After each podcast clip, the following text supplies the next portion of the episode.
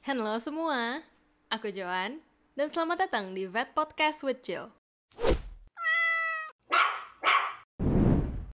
Oke, jadi untuk podcast kali ini aku nggak ada skrip. Maksudnya uh, untuk episode kali ini kita bukan ngomongin sesuatu yang uh, ilmiah gitu istilahnya. Uh, hari ini aku pengen sharing my opinion aja kenapa I personally um, memilih gitu ya untuk adopt don't shop. Mungkin kalian um, ya terutama untuk yang punya binatang atau yang berkecimpung di dunia hewan itu mungkin udah sering dengar ya istilah adopt don't shop.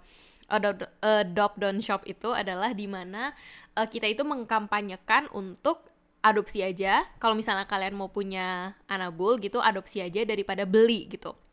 Beli di sini tuh maksudnya beli di pet shop apa ya bukan pet shop ya kan biasanya tuh ada tuh kalau di mall-mall terus tiba-tiba kayak ada ya pet shop sih pet shop yang kayak jual hewan hidup atau ke breeder istilahnya tuh kalian mengeluarkan uang membeli anjing atau kucing kalian atau apa pun itu ke tempat yang memang khusus membiarkan hewan tersebut dengan tujuan diperjualbelikan.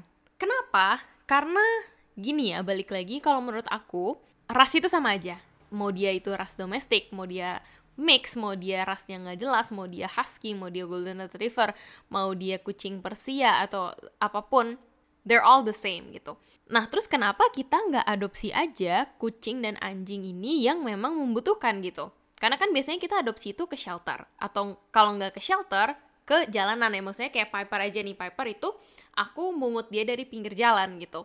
Dan ternyata she grew up to be this beautiful dog gitu mungkin kalian mikir kayak gini ah kalau misalnya nanti adopsi uh, pertama anjingnya jelek. Anjingnya jelek karena kan campuran anjing kampung. Terus nanti anjingnya penyakitan segala macam. Terus uh, behavioral problem gitu. Nah tapi justru di situlah di mana kalau misalnya kalian adopt kalian itu akan benar-benar membalikan uh, kondisi kehidupan mereka gitu. Di mana yang uh, mereka tuh terlantar sakit-sakitan dan segala macam. Dan kalian ambil mereka dan kalian rawat sampai mereka sehat dan percayalah, percayalah mereka akan jadi cantik pada waktunya gitu. Dan menurut aku banyak banget juga ya advantages uh, kalian nge-adopt ini karena as you know, banyak banget uh, orang-orang di luar sana tuh yang gak responsible sama peliharaannya. Jadi mereka beli waktu papi, waktu masih lucu segala macam, nanti pas udah gede, udah mulai gede, udah mulai ribet, istilahnya udah mulai nggak lucu. Padahal menurut aku ya lucu lah ya pasti sepanjang hidupnya. Cuman ada orang-orang di luar sana yang kayak ah pas papi pas kita lucu pas udah gede dibuang gitu. Banyak banget hewan-hewan kayak gitu juga yang ended up di shelter atau ended up di jalanan gitu. Dan kalau misalnya kalian nge-adopt mereka kalian bakal bisa ngerasain uh, rasa terima kasih yang sangat besar dari hewan itu gitu. Jadi kenapa nggak kalian pelihara hewan-hewan yang emang udah dibutuhkan instead of membeli hewan-hewan yang diternakan okay, so let's pause that for a second. Aku mau ngomongin sedikit tentang puppy mills atau puppy farm. Uh, eh, BTW ini cuma dua contoh gambar yang random aku ambil dari Google, tapi kalau kalian kepo bisa googling aja buat lihat foto-foto yang lebih banyak. Basically, puppy mills ini adalah suatu fasilitas peternakan anjing di mana kondisinya itu amat sangat tidak etis ya. Kondisi lingkungannya buruk, manajemen puppy dan indukan yang nggak baik, pemaksaan indukannya untuk beranak terus-menerus, dan ya masih banyak lagi deh indukannya juga dipaksa untuk beranak terus menerus dan di saat dia udah nggak bisa beranak lagi karena alasan apa pun itu entah karena emang udah tua atau sakit atau apa ya udah bakal dibuang karena udah nggak ada value-nya lagi untuk si breeder ini Terus si papi-papi ini juga akan dijual ke pet shop pet shop atau ke online shop yang jual hewan dengan harga murah gitu loh yang dikirim pakai I don't know what dan ya gitu deh intinya Puppy Mills ini adalah tempat yang big no banget untuk membeli hewan. Dan ya balik lagi kalau misalnya kalian emang beli hewan hanya untuk lucunya, ya itu kalian patut mikir-mikir lagi. Sekalinya kalian beli mereka, sekalinya kalian adopt mereka, itu mereka akan menjadi bagian dari keluarga kalian.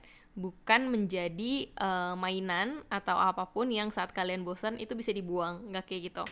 Jadi kalau misalnya kalian beli hanya karena lucu atau hanya karena rasnya, coba dipikirin lagi. Coba uh, maksudnya nih kalian kalian nih beli nih emang untuk apa gitu. Tapi kalau misalnya kalian emang mencari teman mencari companion mencari uh, new member of the family coba deh consider untuk adopt, coba deh consider untuk uh, lihat di shelter-shelter dan uh, cari mana anjing yang emang connect sama kalian dan you can change that dog's whole life. Karena ya anjing itu hanya akan ada di hidup lo tuh untuk sebagian kecil dari hidup lo. Cuman untuk anjing itu ya lo tuh seumur hidupnya gitu dari dia kecil sampai dia mati gitu so uh, I feel like this adopt don't shop thing should be more apa ya aku juga jarang banget sih ngelihat kayak misalnya influencer atau apa yang punya hewan tuh nge-campaign adopt don't shop itu masih jarang banget. Ya emang sih ada ethical breeder tuh ada, cuman I still firmly believe that if you can adopt,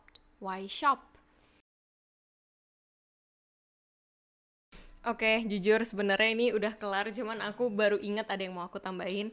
Uh, yaitu adalah mungkin banyak dari kalian gak realize kalau misalnya di breeder itu banyak banget anjing-anjing ras itu yang emang sengaja di breed untuk apa ya untuk konsumsi manusia gitu. Eh maksudnya bukan konsumsi, konsumsi makan ya. Maksudnya misalnya gini, misalnya kayak mini pom. Pomeranians aren't supposed to be that small. Kayak teacup Pomeranian, they're not supposed to be that small. They're supposed to be like this big Cuman karena menurut orang uh, anjing yang makin kecil itu makin lucu, maka terjadilah anjing pom yang kebetulan kecil dikawinkan sama pom yang kebetulan kecil, anaknya kecil makin kecil makin kecil makin kecil.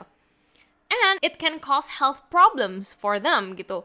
Kayak entah itu mini poodle, mini apa pun itu, they're not like that because they are born like that. Gimana ya istilahnya ya? Basically, it's humans doing gitu loh. Kayak poodles dan anjing-anjing kecil lainnya itu awal itu nggak sekecil itu kayak mini chihuahua yang kayak cuman setelapak tangan. Like they're not originally like that. Itu itu dibreed sama manusia sampai dia bisa jadi anakannya sekecil itu.